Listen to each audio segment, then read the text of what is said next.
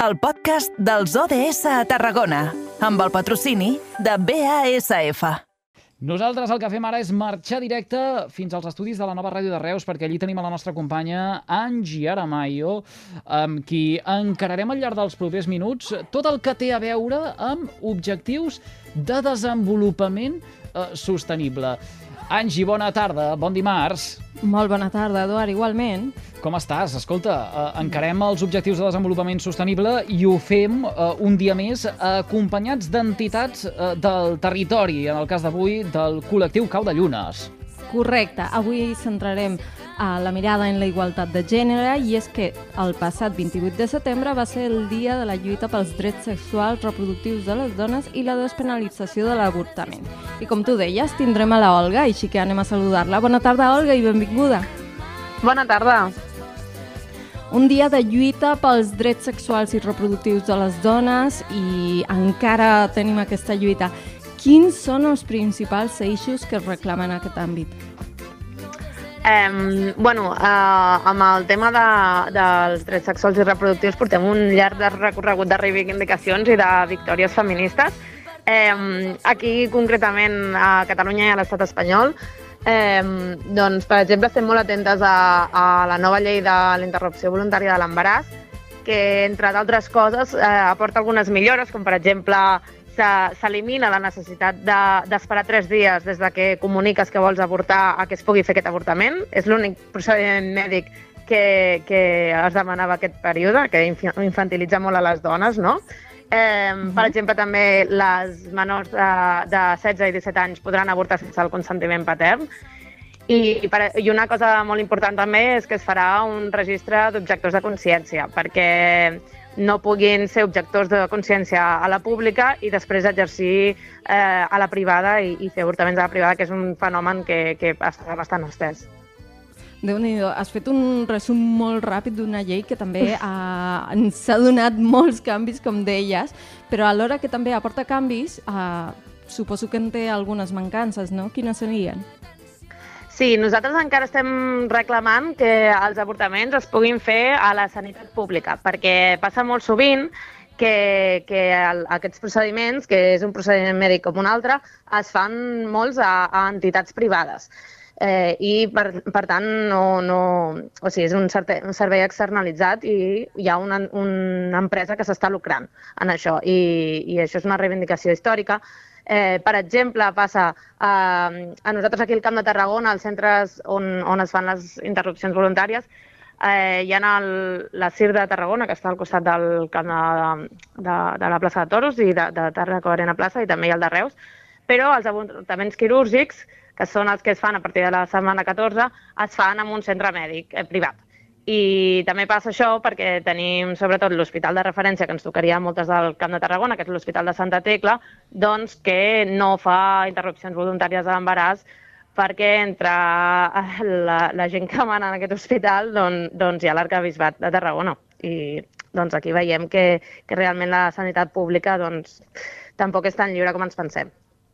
Uh, Olga, realment hi ha, doncs, uh, interessos particulars en què no hi hagin aquest tipus de centres en el territori? El fet que hi hagin uns buits, si agafem un mapa, per exemple, de la geografia uh, catalana, el fet que uh, les dones, uh, per tal d'interrompre voluntàriament el seu embaràs, uh, hagin de desplaçar-se quilòmetres i quilòmetres, uh, això és perquè hi ha uns interessos particulars? Sí, sobretot la, el, el Departament de Salut ho, ho, sempre ho atribueix a la falta de metges que no siguin objectors, de ginecòlegs. Però això, bueno, veiem que, que no és així perquè el fenomen que et deia, no? que també hi ha molts objectors de la pública que després no ho són a la privada, i en territoris com les Terres de l'Ebre o Ponent i també el Pirineu, doncs durant molt de temps no, no s'ha pogut avortar i s'han hagut de desplaçar molts quilòmetres. Hi ha moltes comarques encara avui dia que no poden, o sigui, les dones no poden avortar allí mateix i m'agradaria, ja que estem aquí, recordar que Andorra, que ho tenim aquí al costat, és un crim que no es pot avortar en cap dels supòsits. I les dones andorranes eh, han de venir a, Barcelona o a altres llocs de, del Principat per poder avortar. Uh -huh. uh, justament ara que feies menció a Andorra, aquí a Espanya tenim la, una de les uh, lleis d'avortament una mica més permissives, però com tu mateixa deies, hi ha altres llocs on està totalment prohibit. Posaves un exemple d'Andorra, en posaries un altre? Sí, per exemple, eh, si fiquem la mirada internacionalista, no podem oblidar dels Estats Units, no? perquè era un dret conquerit des de feia dècades per les dones americanes i, i per una decisió de, de mm, un, un número molt limitat de persones al Tribunal Suprem, doncs moltes dones en, estan ara en perill i sabem, està comprovadíssim que la gent no, les dones no deixen d'avortar, sinó que ho fan d'una manera molt insegura i posant en risc la seva vida.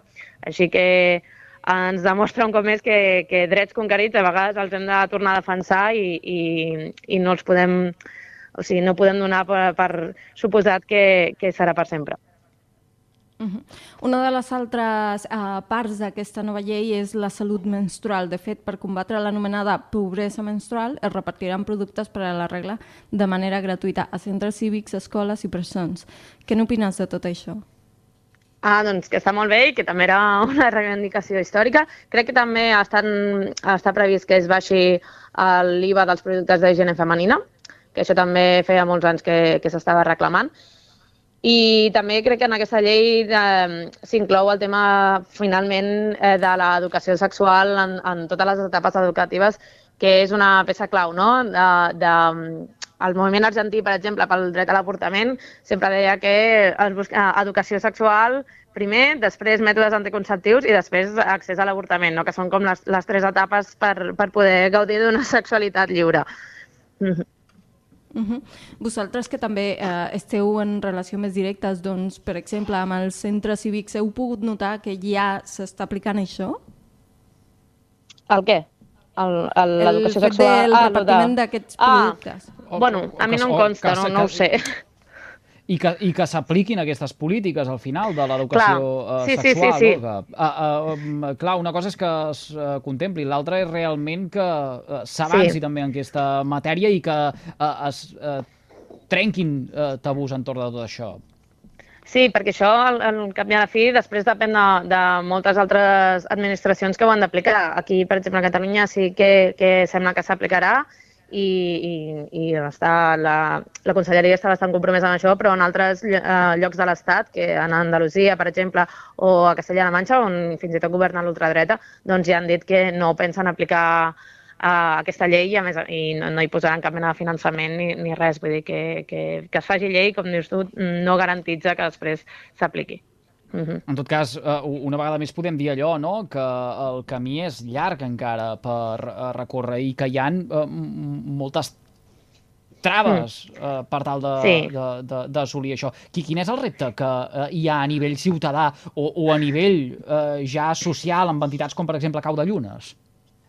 Nosaltres també som molt partidàries de celebrar victòries, no? Eh, creiem que això és un dret que hem avançat molt, no? I, I aquesta llei també és una demanda del moviment feminista i crec que també ens toca celebrar-ho, no?